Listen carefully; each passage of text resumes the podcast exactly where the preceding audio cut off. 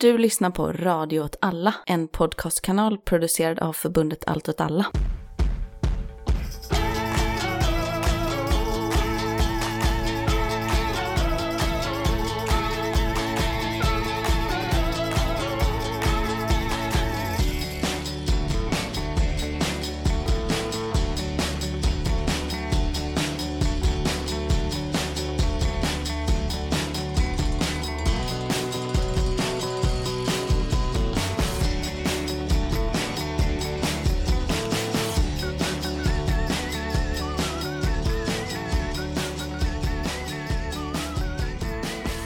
Hej välkommen till Eldrörelse med mig Martin Hansson. Och med mig Myran Andersson. Udda krig och perspektiv. Ja, jag höll på att säga det. Du sa det först. Är det bra med dig? Det är bra med mig. Det är sommar. Det är sommar. Ja, jag vet inte vad Det var, jag ska säga det om var det. varmt igår, det var kallare idag. Jag har hittat fjärilar på kontoret och släppt ut dem idag. Det är mitt somrigaste idag. Mm. Ja, det är ju väldigt somrigt. Nässelfjärilar. Vi har ganska mycket att prata om idag så jag tänker att vi eh, hoppar eh, snicksnacket. För nu är också sommaren över för vår del kan man säga. Nu är det slut på sommaravsnitt. Mhm. Det känns skönt. Ja, och jobbigt. Ja, det är jobbigt ja. För nu kräver det lite mer prestationer från vår sida. Ja. Vi diskuterade här innan hur vi skulle göra. Vi har ganska mycket nyheter som har hänt. Men så vi hoppar över till ett nyhetssvep, pratar om det vi hinner och sen så vill vi ändå hålla oss till den eh, avsnittsserie vi egentligen tänkte kicka av idag. Som ett sätt att inleda höstsäsongen, helt enkelt. Precis. Och det är också det att vi spelar in nu på fredag den 5 augusti. Och flera av de här är väl kanske pågående nyhetshändelser då. Så det kan ju hunnit hända en del till på torsdag när vi släpper det här. Absolut. Nu kör vi. Jajamän.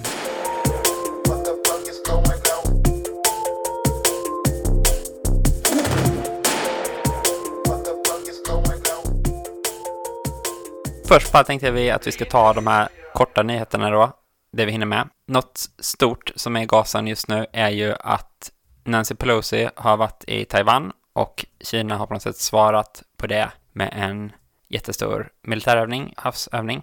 Och eh, ja, för jag får gissa din take så kommer den vara att det här är precis vad man kunde vänta sig att Kina skulle göra och eh, att USA måste veta att ungefär det här när man valde att göra det här besöket. Ja, det, är min, det var min take. Jag skulle säga alla har agerat helt eh, enligt eh, ramarna. det hypas ju upp en del som att det är så här, åh nej, vad är det som händer? Men egentligen så tänker jag att det borde man inte känna direkt. Nej, precis. Eh, Nancy Pelosi var där, ganska kort visit. Kina gick ut ganska snabbt och sa att eh, vi kommer genomföra en militärövning som börjar den 4 augusti och idag så har de skjutit ballistiska robotar över eh, Taiwan.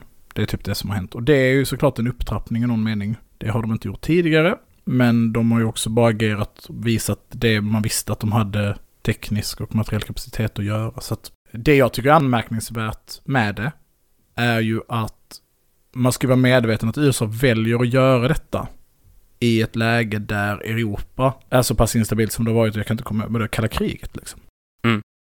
Ja, eller murens fall, var Eller det lite Jugoslavien svajigt. kanske, Ja. är mer korrekt. Och då väljer USA att göra ett drag för att öka spänningarna i Kina. Det är ändå anmärkningsvärt liksom, i den här debatten om Pivot USA, to China. Ja, pivot to China, men också USA, NATO och Sveriges relation till det. ja, det är det vi säger om det tror jag. Vi lämnar där så att vi hinner med de andra sakerna. Nästa korta nyhet. Vad händer i Palestina?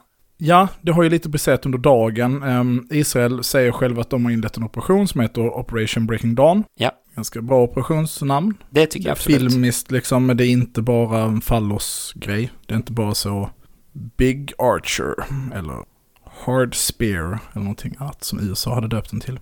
I all enkelhet, får inte fastna i det för länge, jag tänker att vi kommer ha anledning att återkomma till det för jag tror att det är en process som drar igång nu som kommer att pågå ett tag. Så säger Israel att de har gjort ett angrepp på palestinska islamiska jihad.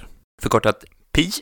PI, PIJ. Det har de gjort genom att eh, enligt dem själva slå ut en rad nyckelpersoner, bland annat den som har varit liksom befälhavare för eh, den norra Gaza och så. Det man kan säga lite snabbt om palestinska islamiska jihad är att det är liksom den gruppen med närmst relation till Iran i Palestina. Och hade en ganska framträdande roll i förra, var det Operation Guardian of the Wall, förra Gazakriget då, som ju nu kanske är vadå, ett halvår gammalt, ett år gammalt. Israel har kallat upp eh, 25 000 eh, reservister, satt ut lite Iron Dome-system för skjutande raketer. Det har avfyrats ett hundratal raketer från framförallt Gaza då i, nu under kvällen. Det finns civila dödsoffer under Israels bombningar. Jag har inte sett någonting med att någon raket verkar ha haft någon, någon effekt. Och det är inte liksom alls i samma skala än då som det var förra omgången. Och Israel har också sagt att de ska nu svara på de här raketerna och det har antagligen hänt nu under tiden vi sitter och spelar in. Så det sker ju liksom en upptrappning där. Tror du att det finns så mycket raketreserver att man kan brassa på som förra gången? Eller blåste man slut på sina lager? Jag har ingen aning. Nej. Men nu sker ju detta som en reaktion på någonting. Och det innebär ju att även om det har varit en upptakt och Israel menar att det var liksom ett närastående angrepp, så, Det är de som slått preemptive då menar de? ja det menar de. Mm. Så jag tänker att förra kriget, eller man ska säga, var lång planerad och väl genomförd och- operation på något sätt. Med mycket samverkan mellan de olika väpnade grupperna och så. Så men det tar ju tid. Man kan tänka sig att det inte är det den här gången. Nej, eller är det det så visar det väl också att det fanns ett förberett. Det har ju mycket med liksom att med kamouflage och dölja förflyttningar och placera ut raketramper på ställen och så. Okej, lite längre snack nu då kanske. Du har skrivit en text till dagens ETC idag.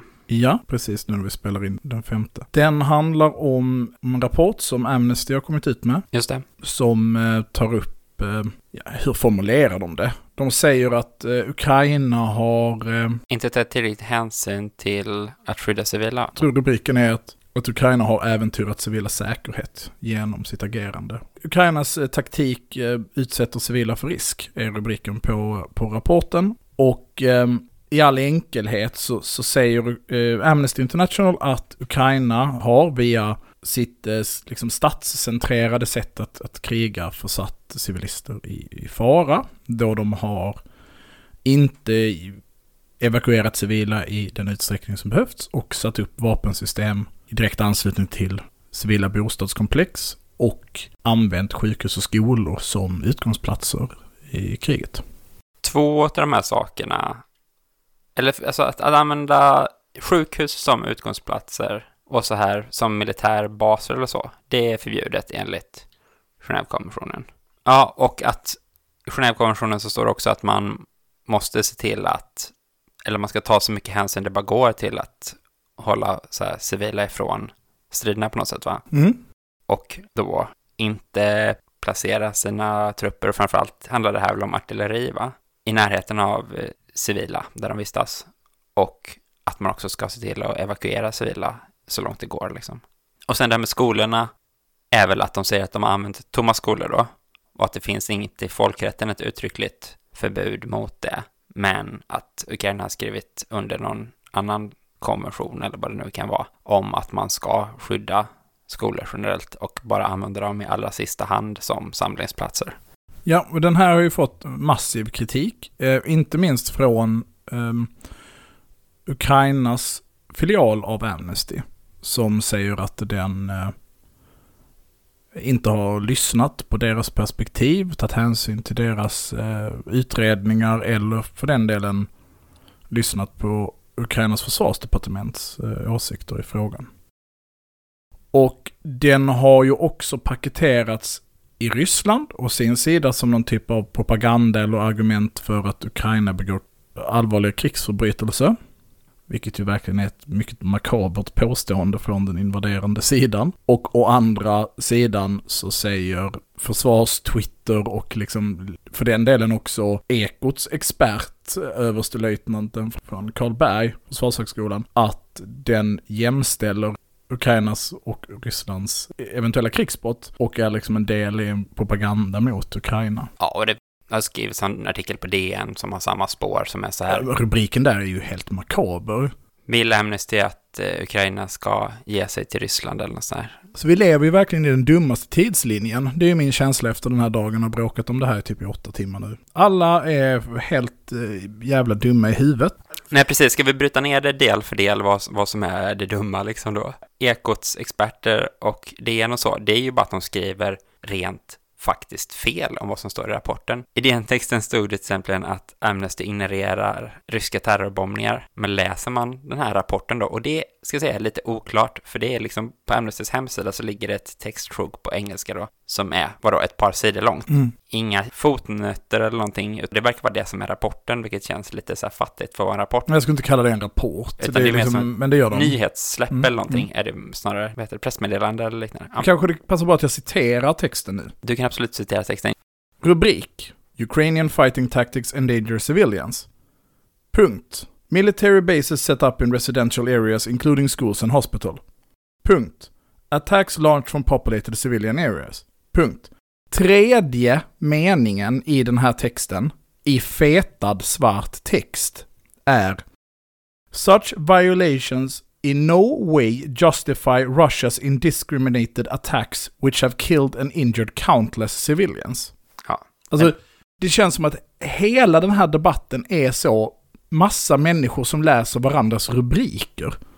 Nej, fast det kan de inte gjort, för det finns en underrubrik i den här texten som är Indiscriminate attacks by Russian forces och bara handlar om de ryska attackerna och hur dåliga och förkastliga och förbrytelser de är liksom. Ja, men då, då tänker du att de läser underrubriken. Ja, okej, man, jag tänker man att de scrollar igenom hela texten och läser alla rubrikerna. Tänker Nej, jag man tänker ska- att man bara läser den översta. Okej. Att- För då om man bara läser den med sin, sin enkla, enkla hjärna, som på något sätt har lyckats få honom både bli en lärare på Försvarshögskolan och överstelöjtnant. Vilket är liksom, det är ju inte McNamara's morons vi pratar om, utan det är ju liksom ändå, Någonting för någonting. man är lärare på ett universitet. Men här är liksom, de har läst den här rubriken, Ukrainian fighting tactics endanger civilians, och reagerat så här. Ja men det är väl för fan inte deras taktik som utsätter civilisterna för fara, det är ju Rysslands beskjutningar. Hur kan ni påstå det här? Det, det här är hela debatten. Och den tar slut där. De människorna som har argumenterat för det här idag, de har läst det. För om vi tar ner det så till vad det faktiskt är som står i rapporten, så är det det som också står i de här punkterna innan. Att Amnesty menar att de kan belägga med hjälp av ett internationellt utomstående forskningsteam. De menar också att det är tre andra mänskliga rättighetsorganisationer som har kommit fram till samma slutsats. Att Ukraina har brustit i sitt försök att evakuera och eh, undanhålla civilister från slagfälten. Eller från krigszonens intensivaste platser. Det är allt de skriver. Det är hela rapporten. Jag har försökt vara lite nyanserad i den här frågan och försökt beskriva hur det har blivit så här. Och jag tror att hela den här liksom sprayburksruttnande hjärnsituationen som har uppstått handlar väldigt mycket om att olika män har liksom lagt in väldigt mycket känsla i det här kriget, mycket känslosamt, investerat mycket känslosamt i det här kriget. Och också romantiserat lite det här kriget i någon mening. Och ser sig nog på liksom ett ganska på ett infantilt sätt som en del av det här kriget genom vad som händer på internet. Det man kan göra är att man kan sitta och skriva rysstroll till någon. Ja, Det är liksom, Slava Ukraina. Om jag bara skriver det tillräckligt många gånger på Twitter, då är det nästan som att jag har ett gevär vid fronten. Precis, ja, I'm doing my part liksom. För att en tänkande människa som får frågan, har Ukraina begått krigsbrott? Svarar, utan tvekan, helt kallt, självklart har Ukraina begått krigsbrott. Någonting annat skulle vara en avvikelse genom alla krig som någonsin har skett genom historien. Sen man började prata om, Nej men även innan man hade krigsbrott så hade man väl liksom någon typ av kulturella regler för hur kriget förväntades föras. Det är ju det här som händer nu. Alltså att människor, eller det är fel ord att säga, män går in i den här konflikten och tänker att deras åsikter om det här spelar roll. Det är det här hela Azov-grejen, det är exakt hela Azov-grejen. Och den här järnrötan sker på båda håll. Det här är inte bara Saint Javelin och eh, Slava Ukraine-gänget som håller på med det här. F- Utan det, det sker ju på andra hållet också. Alltså, Azov är exakt samma sak. Folk saknar helt förmåga att säga ja, eh, alltså, Azov är ju nazister. Eftersom att de är nazister. Alltså på Sieg Heil-sättet är nazister. Och Ryssland får ändå inte invadera och döda civila i Ukraina. Det klarade folk inte av. Och nu blir det ännu mer komplext. För nu sitter man liksom här och argumentet emot det här, liksom argumentet mot Amnesty, antingen att Amnesty bara ljuger och är liksom Putin-vän, och att, de, att Amnesty konsekvent bara kritiserar Ukraina eller för ut ett, liksom ett Putin-nära narrativ. vilket är ju helt absurt för Amnesty har tidigare släppt olika rapporter, uttalanden nyheter, jag vet inte vilken kategori allt det där faller i, men vi räknade, kollade på lite, att vi, du sa att du hade sett mer än hundra olika uttalanden om Rysslands olika förbrytelser och fördömanden av deras invasion och orättfärdigheten i den. Men det är liksom, uppmärksammar man något problem som Ukraina har gjort överhuvudtaget då, då förtar det allt annat liksom, för då är det bara ett ryskt narrativ man anlägger eller man är Rysslands nyttiga idiot eller någonting med den här retoriken då. Vilket ju är ett helt absurt förhållningssätt. Jag tycker tvärtom att om någonting så borde ju det göra att Amnesty framstår som trovärdiga. Att de är inte bara en propagandamaskin för då västs liksom Ukraina-stöd som bara går på Ryssland, utan de kollar på vad som faktiskt händer och försöker vara liksom neutrala i sin utgångspunkt och se på det konkreta och liksom kritisera där de ser att fel begås. Och det gör de inte bara mot en part, utan det gör de mot alla. Och då visar det sig att ja, de gör det jättemycket mer mot Ryssland för att Ryssland på ett systematiskt sätt liksom verkar försöka begå förbrytelser. Är ju det intrycket man får. Ifall de inte liksom hade sagt någonting om Ukraina, då framstår det ju kanske mer som att de är eh, bara att de bara hejar på Ukraina liksom. Men nu är det uppenbart att de gör inte det. Så om någonting så borde man ju liksom lyfta fram det här som en styrka för Amnesty då, att de har en objektivitet i förhållande till det och därför borde man se kritiken mot Ryssland som ännu bättre underbyggd för att den uppenbart inte är riktad som, mot Ryssland som en propagandautfall då, utan som att den också bygger på faktiska uppgifter. Det är inte Atlantic Council. Liksom. Nej. Nej. Alltså om man tittar på de här tre andra eh, artiklarna, jag är inne på Amnestys hemsida framför mig, jag tittar på de tre andra artiklarna under eh, kategorin Ukraina. Det är de tre som syns i headern. Då har vi Ukraine Deadly Mariupol Theater Strike, a clear war crime by Russian forces, new investigation. Andra, Ukraine civilians killed by reckless Russian attacks on Cherivka, apartment block and beach resort. Tredje artikeln, Russia, municipal councillor sentenced to seven years in jail for opposing the Ukrainian war. Mycket tydligare rubriker där man verkligen Ja, det är liksom ingen diskussion, det är inte så in danger eller, utan det här är solklara krigsbrott som har skett. Till själva grundfrågan då. Vad är det Ukraina har gjort? Får man göra så? Det här är ju komplicerat, för att det är komplicerat på det sättet att, Alltså till att börja med, krigsbrott har du sagt konsekvent nu.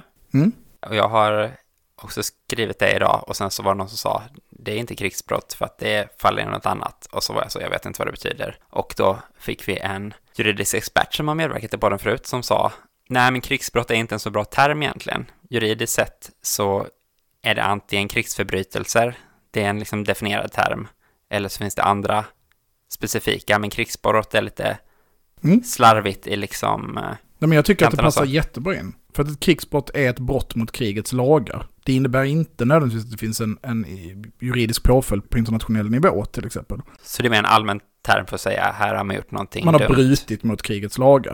Alltså jag tror ingen blir dömd för att man inte har haft eh, synliga emblem på sin uniformer till exempel under ett krig. Som ett krigsbrott. Det är en avträdelse, det är, man har frångått krigets lagar och regler. Mm, tycker du då? Ja, precis. Ja. Ja, det, det, det står Ja, uttryckligen i. Genèvekonventionen att Men jag man inte får menar- göra det. Samtidigt då finns det ingen som, ingen som har skrivit en rubrik där det står det här är ett krigsbrott, liksom, kolon. Ja, det är ett brott mot Genèvekonventionen. Ja. Ett brott mot, alltså man har Mm, brutit det är mot ändå reglerna Ja, liksom. mm. På samma sätt som man kan bryta mot reglerna i en fotbollsmatch. Det är inte brott i termen det är brottsligt. Skitsamma. Jag, det går att diskutera, jag kommer använda termen krigsbrott. Men det de anklagar Ukraina för att ha gjort är alltså i all enkelhet att de inte har evakuerat civila i den, i den mån som är möjlig. Och att de borde gjort större ansträngningar för att göra en distinktion mellan vad som är militärt och vad som är civilt.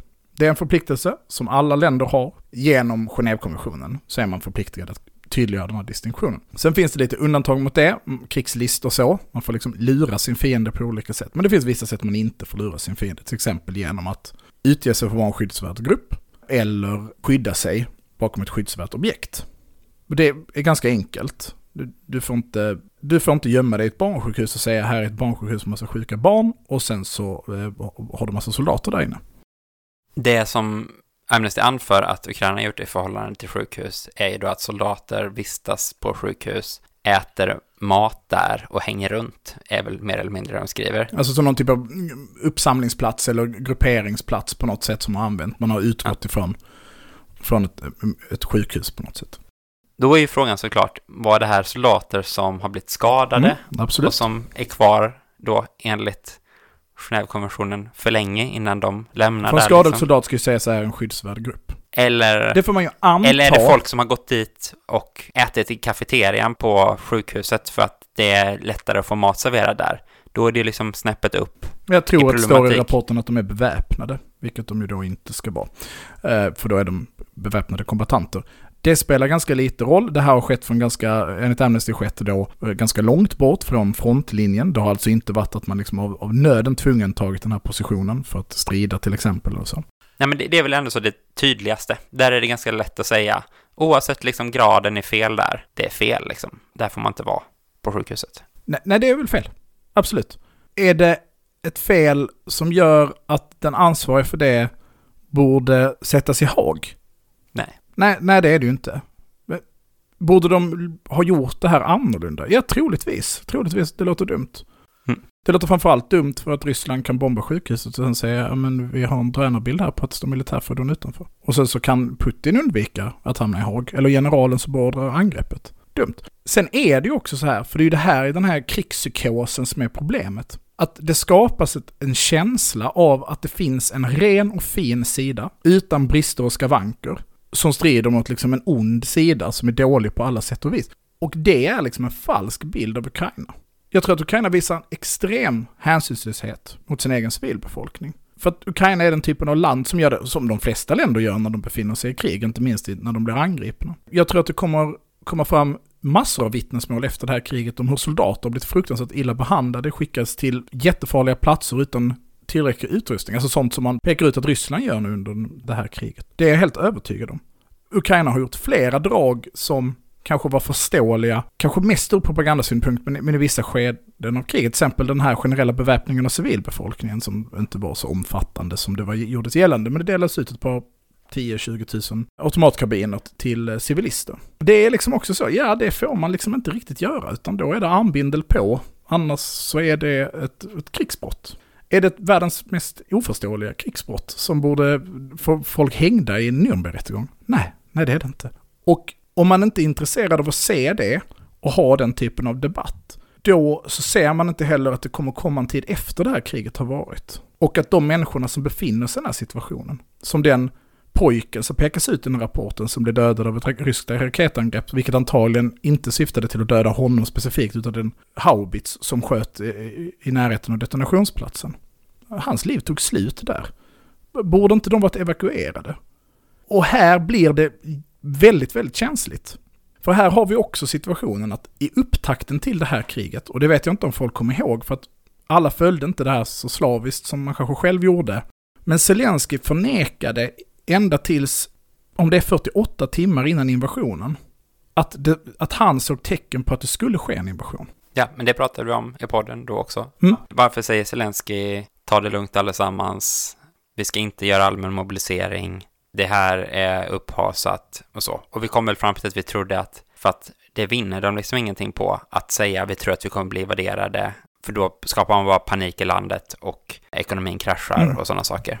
Så det finns ju förståeliga skäl till att det blev så, men, men någonting som faktiskt har hänt är att det är egentligen, det är först nu för tre, fyra dagar sedan Ukraina gick ut och gjorde alltså en, eh, vad ska man säga, tvångsmässig evakuering av civilister från de östra delarna av landet. Från Donetsk. Från Donetsk specifikt. Oblast. Ja, Där man helt enkelt säger, nu måste alla lämna. Nu är, det här är inte längre liksom, eh, det är inte frivilligt.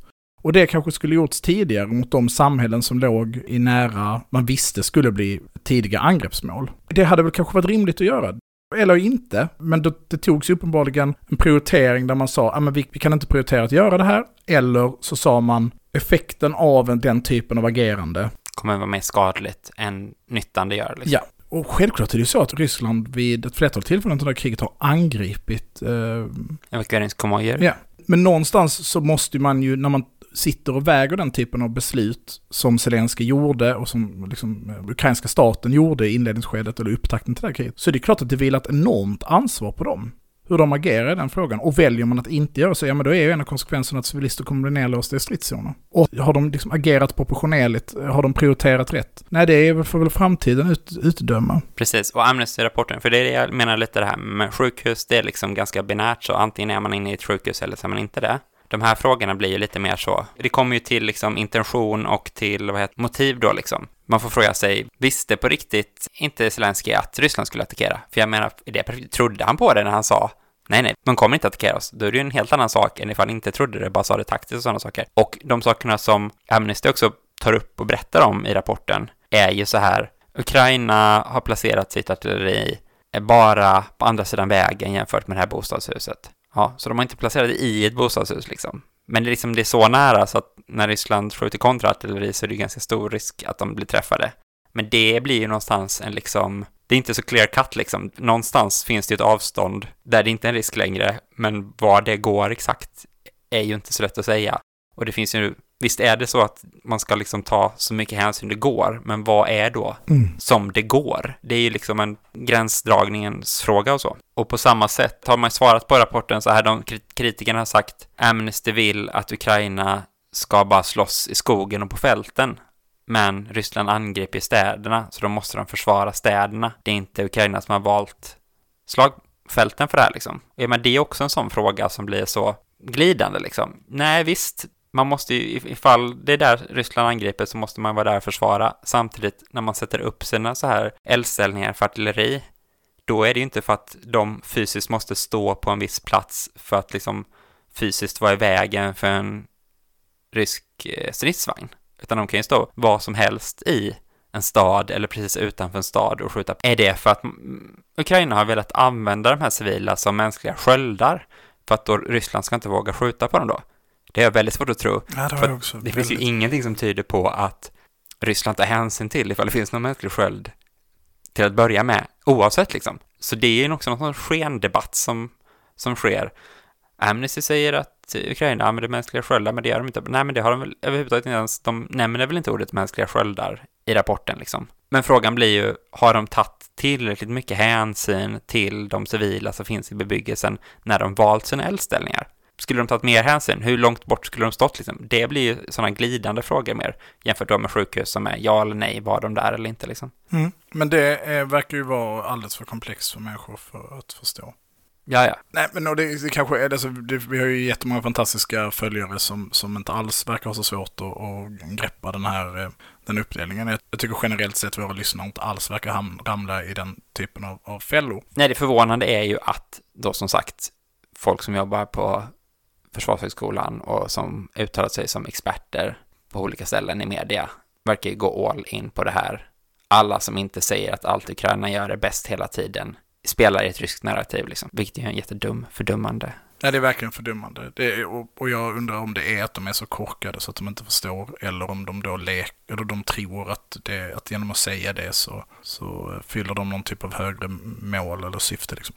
Mm. Alltså för att det, det Amnesty säger, och det här, där tror jag verkligen de har rätt i, och det, det, det tror jag verkligen att alla de här försvarsexperterna skulle hålla med om. Jag tror till och med att de flesta av dem har sagt och skrivit det innan det här har skett. Det är ju att, att Amnesty säger att, att Ukraina har valt en taktik och en viss mån en strategi som syftar till att dra in Ryssland i städerna.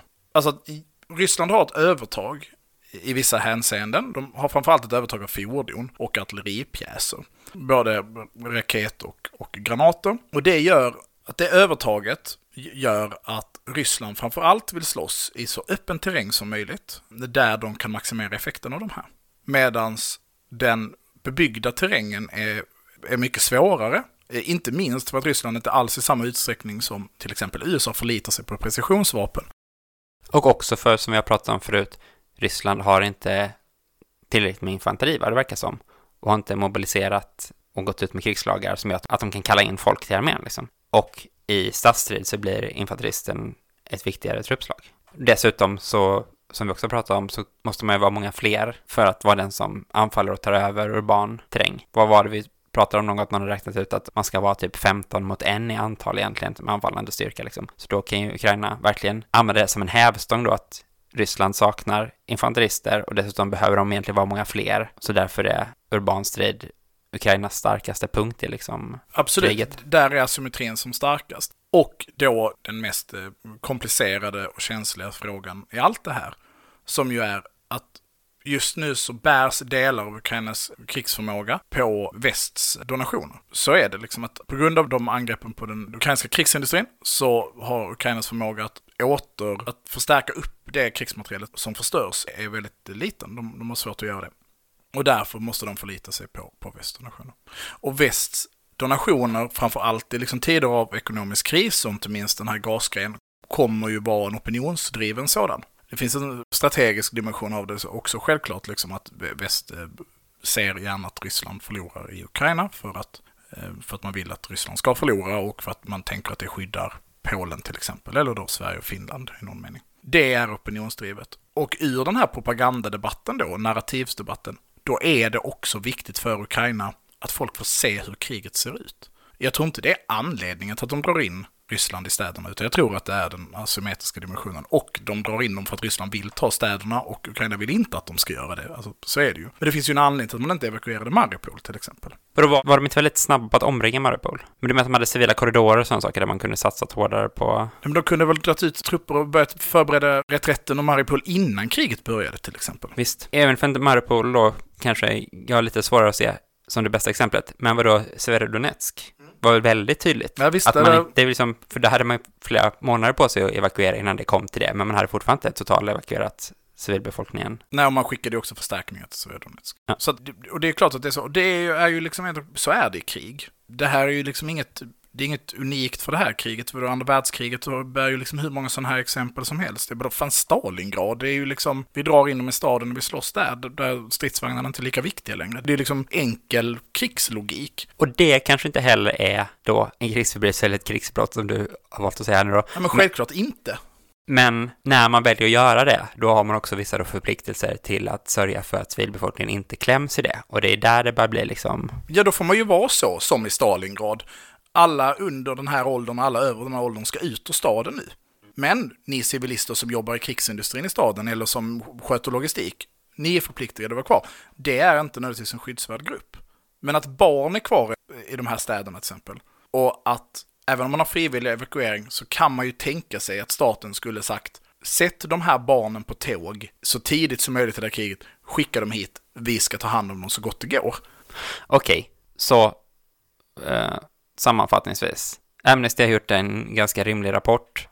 Man kan inte dra slutsatsen att Ukraina har gjort något exceptionellt, förvånansvärt, sjukt eller dåligt. För som sagt, alla krig ser den här typen av att man inte prioriterar civila över allt annat. För den som gör det förlorar ju krig liksom. Som vi sagt, även i Rojava så, så utgår vi ifrån att även SDFs styrkor begår någon typ av brott någon gång liksom. Det hör kriget till att man gör det. Från det kan man inte dra en slutsats om ifall kriget är berättigat eller att, att det skulle vara okej med invasioner och sådana saker, vilket Amnesty också väldigt tydligt skriver. Ja, det är väl helt själv... Du hade en helt bizarr.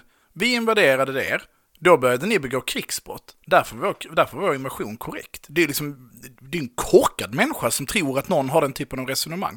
Och lyssnar du och har den typen av resonemang, att det här rättfärdigar på något sätt Rysslands invasion, så är du korkad. Alltså, du är en, du en dum, dum människa. Ja, det, var, det var en grej. Ja.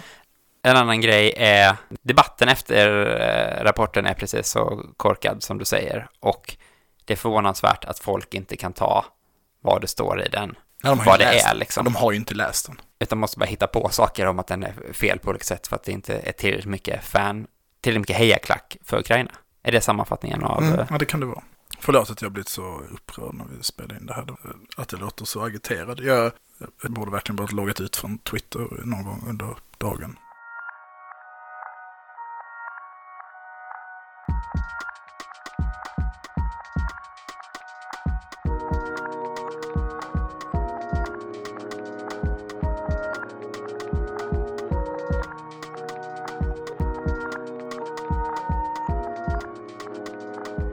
Okej, det är eh, över med sommaravsnitt. Och eh, det är hösten annalkar säger vi i början av augusti. Det är ganska långt kvar på, på den faktiska sommaren. Men vi har ju tänkt att eh, vi ska försöka dra igång med eh, en serie avsnitt nu. Och vi har lyssnat ganska mycket på vad lyssnarna vill ha. Och vi ska väl lite försöka återgå till ett gammalt koncept på något sätt. Vi kommer eh, försöka djupdyka i vissa militärtekniska termer, ta avstamp i en historisk händelse och eh, framförallt bena ut eh, strategi och lite hur man kan tänka på det på olika sätt. Ja. Du vet mer än mig, du har förberett det här bättre. Jag har förberett det här avsnittet. Vi återgår till en gammal grej att du har läst ordentligt och jag har kollat lite på Wikipedia. Under den här serien så ska vi gå igenom sex olika förhållningssätt till strategi, förhållningssätt till krig kan man säga. Och eh, vi drar igång nu tänker jag med det första.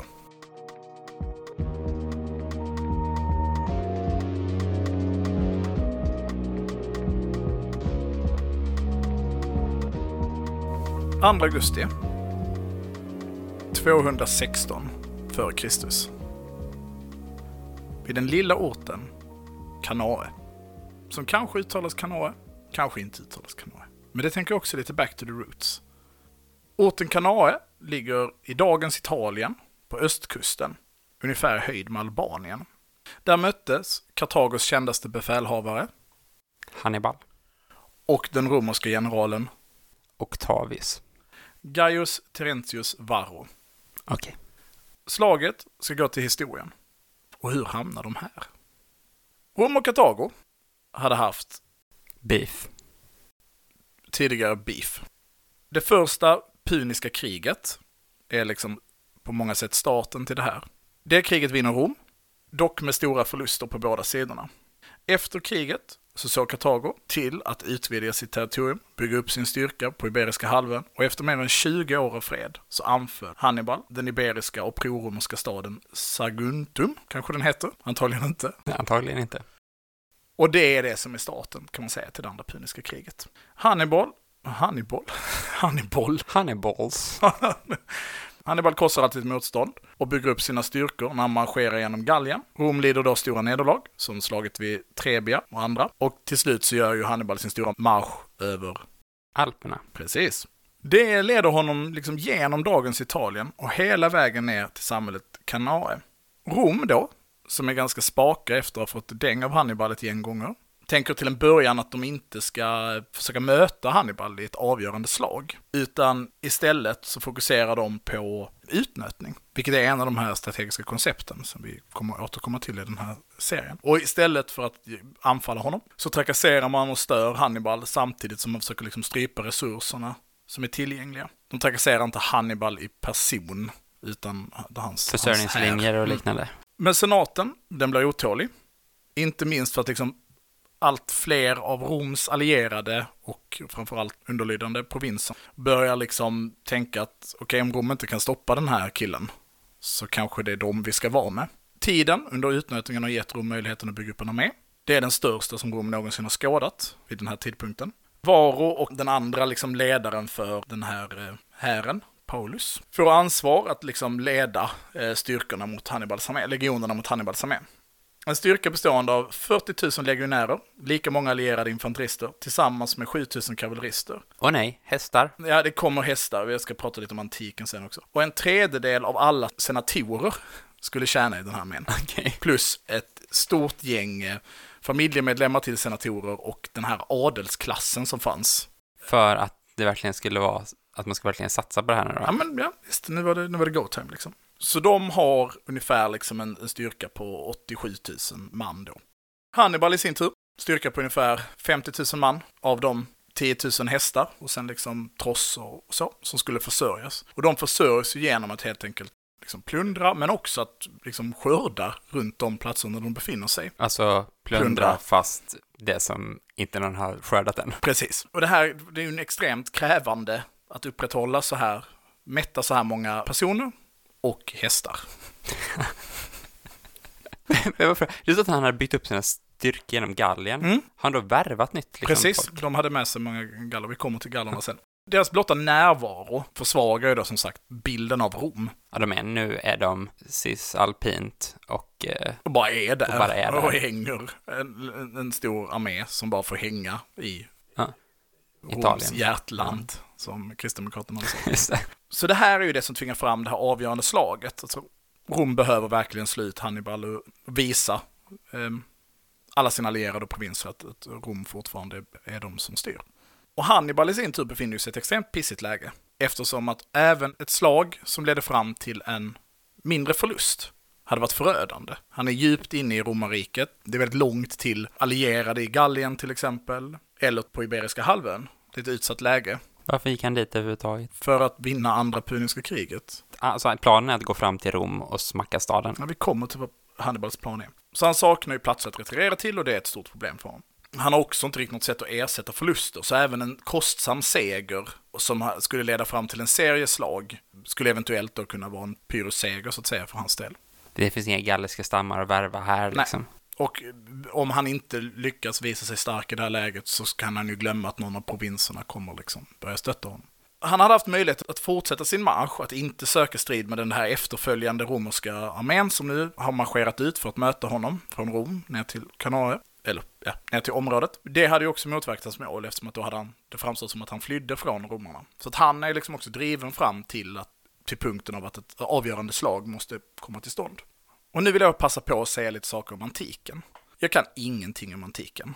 Det jag kan om antiken har jag lärt mig de senaste dagarna. Jag kan lite saker om antiken. Men också att antiken är ju arkeologi i någon mening, vilket gör att allt det jag säger nu är ju väldigt noga forskat på många sätt. Forskning som är ganska mycket att man sitter och hittar på saker. Ja, det ska tas i beaktande. Jag tänker att vi har många lyssnare som har väldigt bra koll på antiken.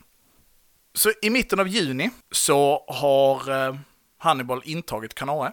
Ganska litet samhälle beläget på några kullar. Och där inne så fanns det också eh, förnödenheter som de då kan använda upp. Höjder, de här höjderna som kanalen ligger på ger dem möjligheten att få liksom god överblick av den analkade fienden.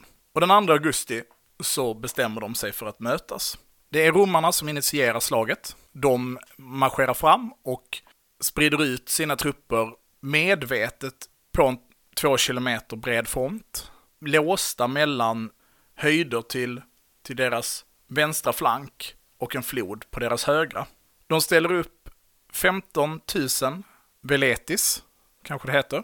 Alltså lätt infanteri beväpnat med kastspjut. Och bakom dessa så ställer de upp det tunga infanteriet. På den vänstra flanken så hade man Varo, befälhavaren, eller en av befälhavarna, med 4000 beridna soldater. Och på den högra, in till floden, Paulus med 2500 kavallerister. Kärnan av romarnas anfallsstyrka var de här 55 000 legionärerna som hade packats tight på den här två kilometer långa fronten. Både tätt och djupt. Poängen med detta är att både för att underlätta möjligheten att leda den här väldigt stora styrkan så behövde liksom kommunikationsavstånden vara korta. Men också för att ge ett övertag i uthålligheten mot den här betydligt mindre styrkan de skulle möta och på många sätt lättare beväpnad.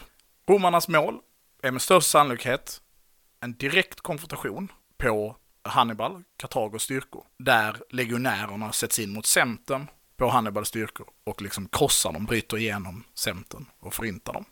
Deras flanker var ju skyddade av de här naturliga barriärerna, kullarna på vänstersidan och floden på högersidan. Om detta lyckades, den här planen, så skulle det inte spela någon roll att Hannibals kavalleri var att betrakta som liksom starkare än Roms. Och de här naturliga barriärerna begränsade också kavalleriets rörlighet. Hannibal i sin tur, betydligt mindre styrkan, hade satt upp 6000 lättare infanteri i fronten, tillsammans med ett par tusen väldigt skickliga slungkastare, tror jag att man säger.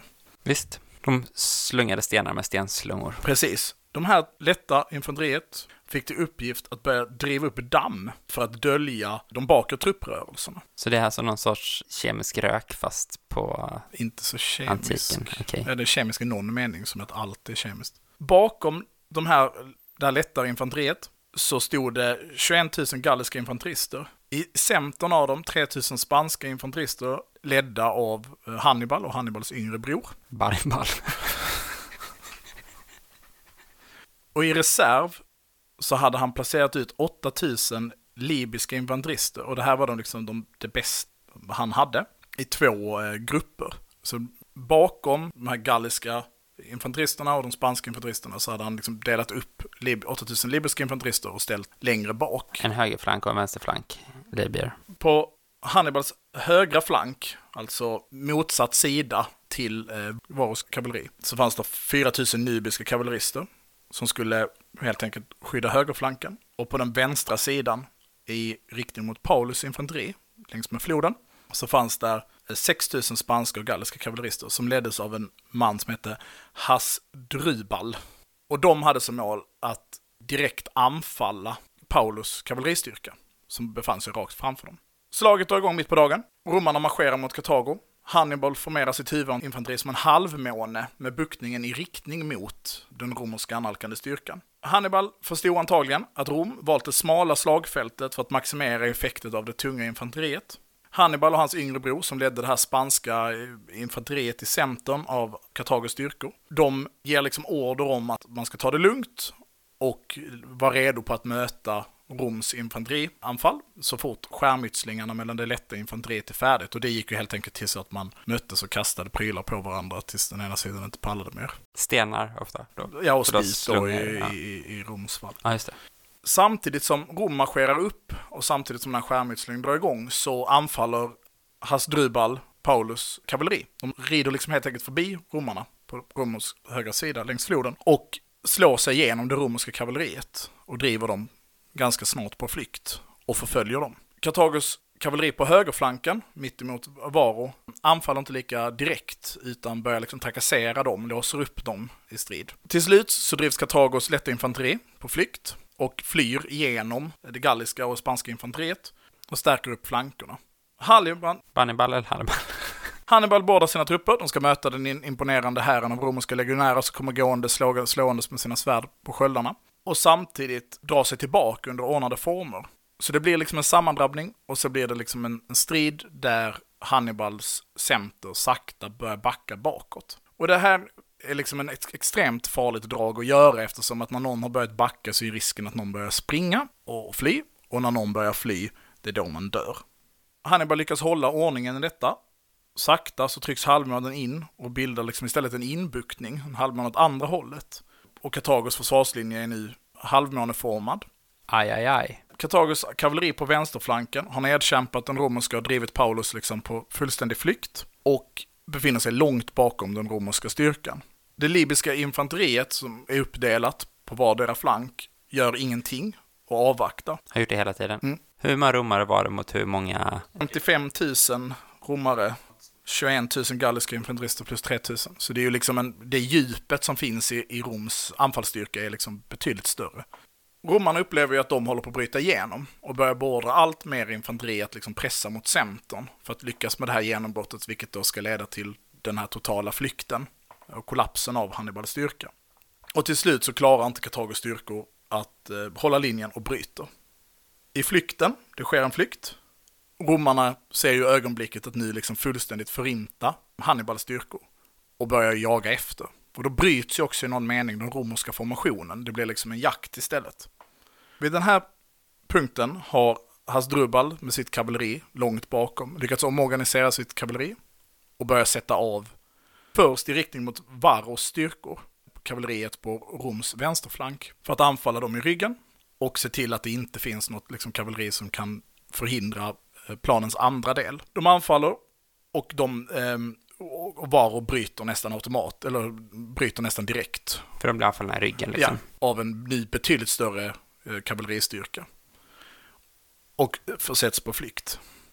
I den här punkten och i det här kaoset och i den här tiden med liksom kommunikationsutrustning så måste legionärerna i centern ha uppfattat det som att de har vunnit slaget. De har ju drivit liksom centern, som också innefattar Hannibal själv, på flykt.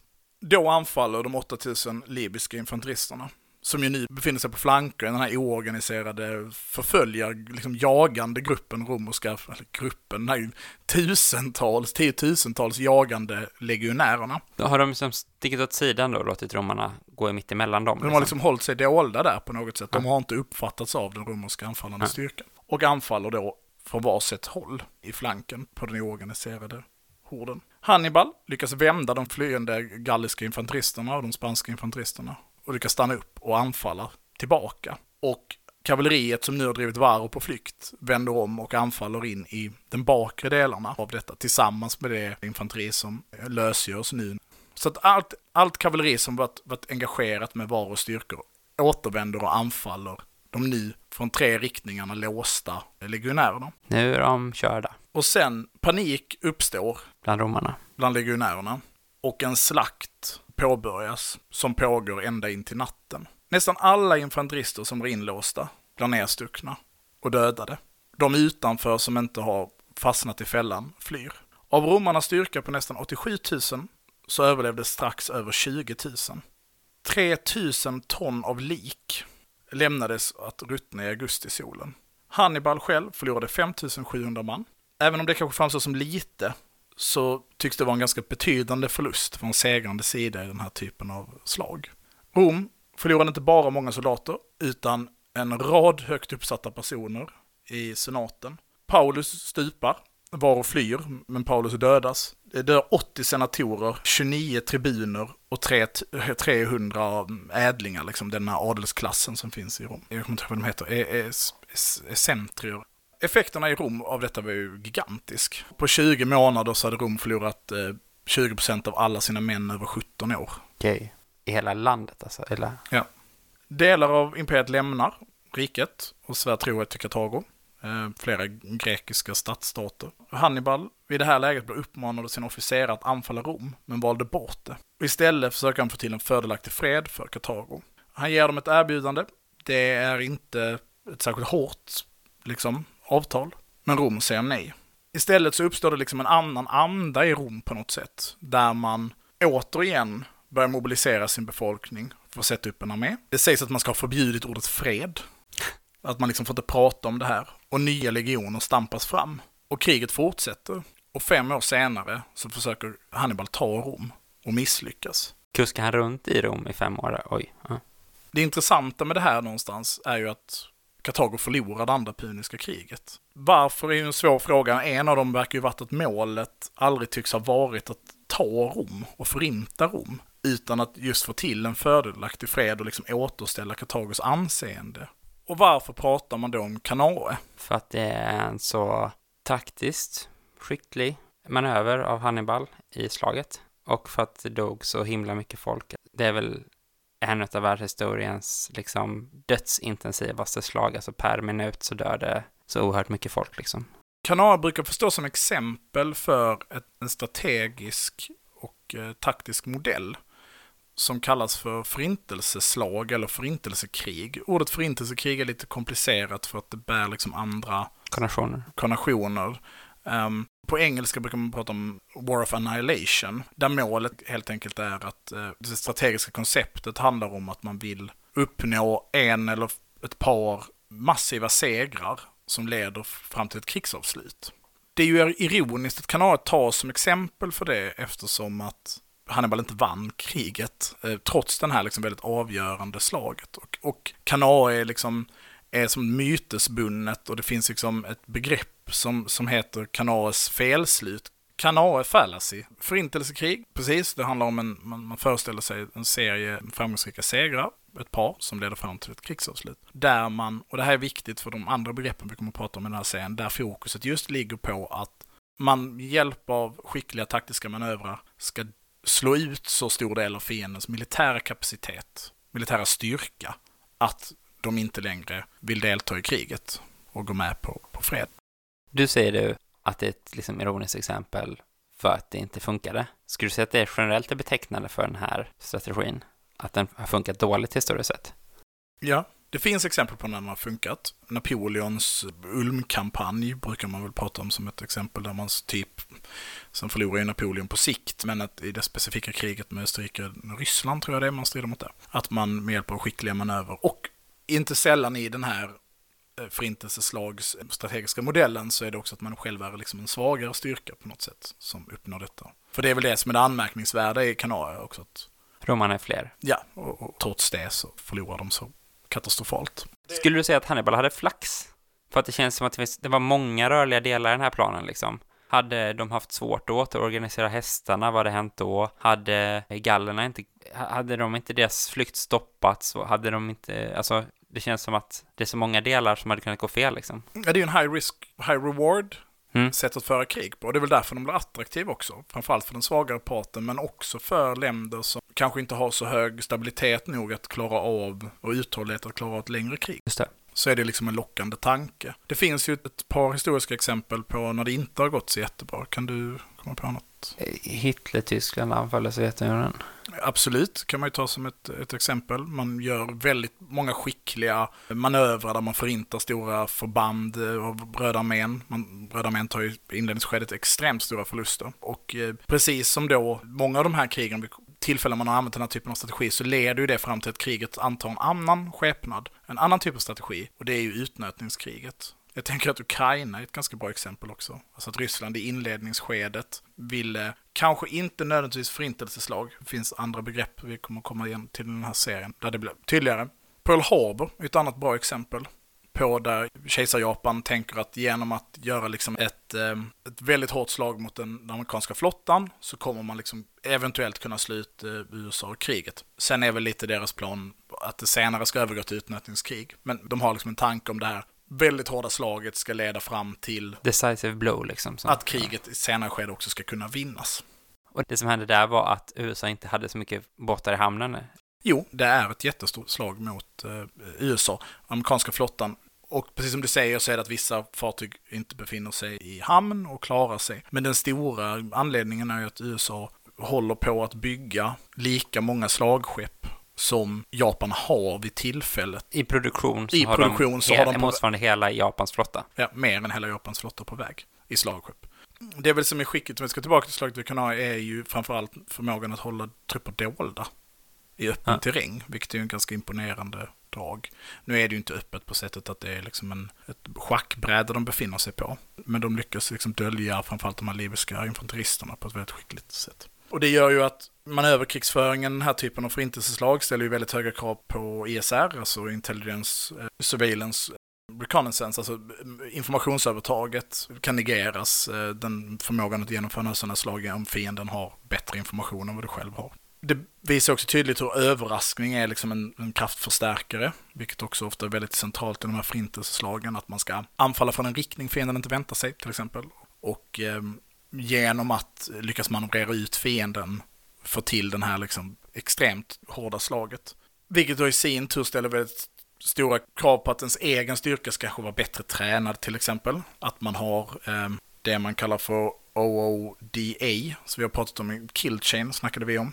Det är ju därifrån begreppet kommer, alltså Observe, Orient, Decide, Act. Alltså att man ska mycket snabbare kunna ta beslut i den här processen. Okej, men nu har vi nedkämpat det här kavalleriet, då ska vi snabbt vända om och, och anfalla den här gruppen och sen så ska vi kunna ska vi anfalla eh, legionärerna i ryggen i, i den här låsningen. Dien Bien där fransmännen tänker att de ska kunna dra ut Viet till ett avgörande slag. Och där tror jag man kommer lite den här psykologiska att det kan finnas något desperat i det här förintelseslaget. Förutom att det är liksom höjt som den, den skickligaste formen av krigsföring. Så är det, vi måste få till det här för att, för att det ska bli krigsavgörande. Ja, men det är väldigt svårt ändå att lyckas med det här för att det där helt avgörande slaget verkar inte riktigt finnas då. I den betydelsen att det är väldigt sällan någon faktiskt bara blir knäckt av ett hårt slag liksom. Man, ett land har sällan placerat all sin förmåga i en enda punkt liksom. Nej men precis, för det finns ju något Clausewitz i det här, att det är den här point of gravity och att den uppfattas som militär i första hand. Och det är väl som är spännande, det är väl lite det som Rom visar. Och ja, och som Sovjetunionen visar under, under andra världskriget, att det kanske snarare är så att förintelseslaget, fokus på den rent, krigets rent militära, alltså liksom i någon idealistiska bilden av kriget.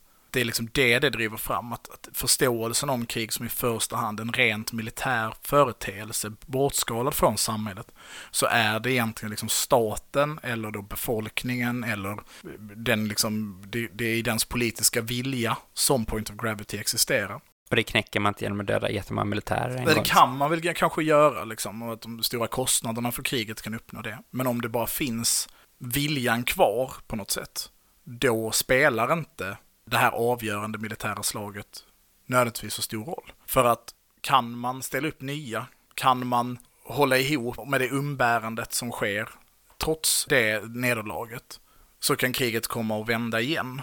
Och det är ju, det är liksom en intressant dimension av det, att det spelar ingen roll att USA vann den taktiska manövern i nästan alla sammandrabbningar med nordvietnamesiska armén under Vietnamkriget. För det är inte det som är, liksom, det, är inte det som är det krigsavgörande. Utan det är liksom det här abstrakta, mer politiska dimensionen av kriget som är det som, det är där point of gravity har kommit att hamna i, i vår tid.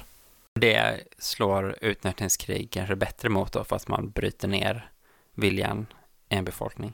Men det här var bara en av sex olika strategier och vi pratar om utnötningskriget Precis. som en annan. Ja, som en annan ja. Och sen finns det ju då flera andra förhållningssätt som är tätt eh, knutna till varandra. Det är lite så att med termerna här, både på, på engelska och svenska, för de, de översätts ganska dåligt. Men i nästa avsnitt i den här serien så ska vi prata om dislocation, eller kanske det man hade sagt som indirekta manövrar. Alltså hur man eh, kan vinna manövrar genom att försätta fienden i ett så dåligt läge så att de upplever att kriget är förlorat. Alltså nästan som ett förintelseslag, fast, Fast- utan slaget. eh, Eller ja, kanske många slag, men utan det här avgörande slaget så är det snarare en avgörande positioner att befinna sig på. Och för jag tänker att det som också är viktigt att tänka här är att förintelseslaget någonstans utgår ifrån att du ska möta fienden när den är som starkast. Att det är det, det, är det förintelseslaget föreställer sig. Genom att, liksom, genom att krossa fiendens starkaste del så visar vi att det är vi som, är liksom, det är vi som kommer vinna, vinna, vinna kriget på något sätt. Medan precis som du säger så är liksom utnötningskriget eh, karaktär eller utnötningskrigets effekter kanske då har en mycket större påverkan på den politiska dimensionen. Jag tänker att det finns ju Kuwaitkriget till exempel, ett annat krig som man skulle kunna hävda att det sker liksom ett förintelseslag eller liksom där den här eh, avgörande militära kapaciteten skadar och slår ut fiendens förmåga till att föra krig. Som är då eh, Highway of Death eller vad det heter. Precis. Ehm, nu vinner ju USA det kriget med de politiska mål de hade uppsatta. Om man ser att Irak, första och andra Irakkriget hänger ihop och att det liksom ingår i samma, samma krig. Så även om Saddam Hussein blir dödad och Baathpartiet avsätts i Irak så kan, ja, kan man ju svårligen argumentera för att USA vann det kriget. Eh, för trots att man i den andra Irakkriget också snabbt, eh, inte kanske i ett slag, men, men på, på en strategisk dimension, eh, slog ut Iraks eh, reguljära armés förmåga att föra krig. Så, så åter, övergick ju även det kriget till ett annan typ av krig med en annan typ av karaktär som USA på sikt inte klarade av att föra. Men man slog kanske ut just eh, Saddams eh, då styre för att där fanns det kanske inte så mycket mer att bygga på än just den militära uppbyggnaden liksom. Och när man väl hade krossat den så var det över på något sätt liksom.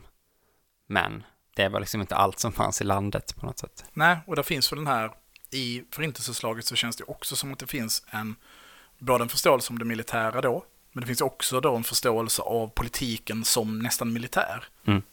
Att det finns en ledare, tas ledaren bort så raserar samhället. Och, och det har vi pratat med i många tidigare avsnitt, att den liksom borgerliga förståelsen av hur samhällen fungerar eller mellanmänskliga relationer fungerar kan göra att jag tänker att det är väldigt lätt att hamna i det filologiska felslutet. Att försvinner Saddam, då kan man bara sätta en annan person där som är bättre för oss. Och då kommer den kunna driva en politik som är mer gynnsam. Det om förintelseslag. Mm. Nu eh, ser jag fram emot alla antiknördar. Det låter som att man är med på antikrundan då. Men det kanske är överlappande kategorier. Det kanske är... Ja.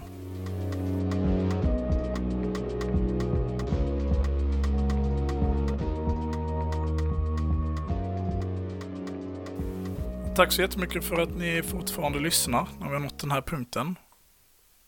Man eh, kan följa med på Twitter, där heter jag Trojkan1337. Jag heter att slukhall. Man kan följa oss på Facebook, där heter vi Eld och rörelse. Man kan följa oss på Instagram, där heter vi eld.och.rorelse. Tack så mycket för att ni har lyssnat. Köp och tröja. Hej då. Köp och tröja. Ha det fint. Hej hej!